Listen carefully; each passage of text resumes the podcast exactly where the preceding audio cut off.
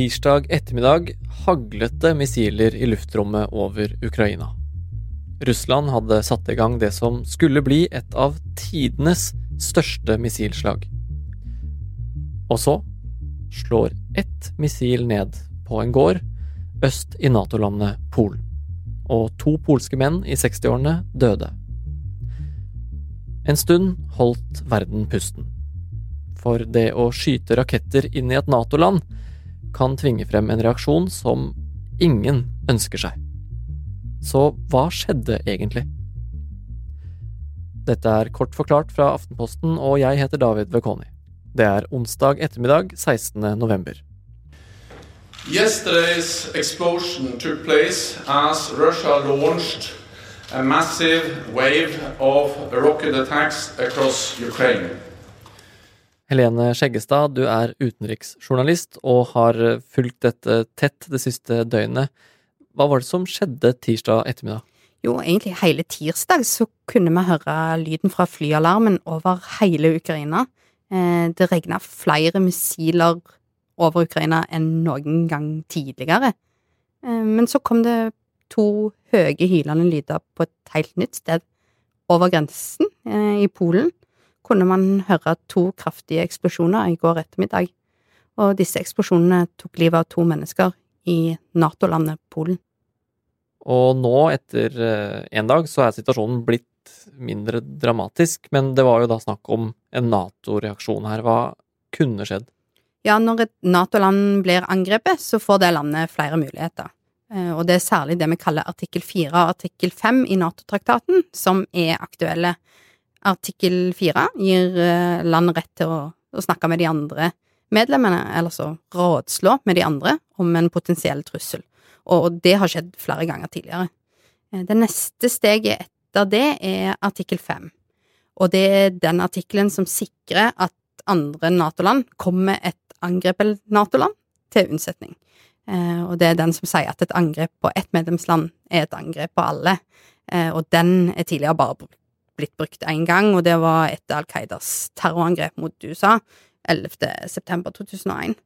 Um, så hvis Polen da i går mente at de var angrepne med vilje og intensjon, så kunne disse eksplosjonene på gården i Polen tirsdag ettermiddag ha vært det som starta en storkrig. Ja, altså tredje verdenskrig, om du vil. Men uh, nå ser det foreløpig ikke ut til at vi er inne i tredje verdenskrig enda. Hva er det vi har funnet ut i løpet av dagen i dag? Ja, i dag så kunne vi våkne til en uttalelse fra den amerikanske presidenten Joe Biden, som sa at han trodde ikke dette missilet eh, kom fra Russland. Og etter den litt sånn uklare meldingen fra Biden, så har det kommet flere meldinger om dette trolig var et ukrainsk luftvernmissil. Hvordan kan det ha gått for seg, da? Når det i går regna missiler over Ukraina, så vil ukrainerne prøve å stoppe disse missilene med å sende opp luftvernmissiler som ødelegger de russiske missilene. Og da er det et av disse som trolig har kommet på avveie. An investigation into this incident is ongoing, and we need to await its outcome. But we have no indication that this was the result of a deliberate attack and we have no indication that Russia is preparing offensive military actions against NATO. Polen er jo, som du sa, en del av Nato. Eh, hvordan reagerer Nato på dette her? Nato hadde først et krisemøte eh, onsdag morgen, og etter det så kom da Nato-sjef eh, Jens Stoltenberg og talte til resten av verden, og da sa han egentlig tre ting. For det første så sa han at ingenting tyda på at dette var en bevisst handling eller et russisk angrep på Polen, eller på alliansen. Eh, det andre han sa, var at trolig så var dette et ukrainsk luftvernmissil, som da ble sendt opp som et resultat av det enorme angrepet fra Russland. Og det siste han sa, var at dette ikke forandrer Nato-landenes støtte til ukrainerne.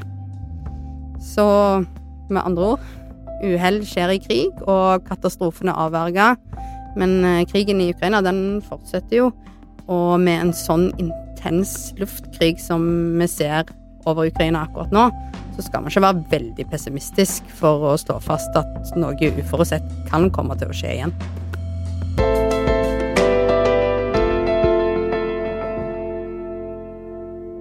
Du har hørt en podkast fra Aftenposten. Det var Helene Skjeggestad som tok deg gjennom hva som skjedde da et missil slo ned i Polen tirsdag ettermiddag. Lyden du har hørt, er fra nyhetsbyrået AP. Denne episoden er laget av produsent Anders Weberg og meg, David Vekoni. Resten av Forklart er Synne Søhol, Jenny Førland, Fride Næss Nonstad, Marit Eriksdatter Gjelland og Anne Lindholm.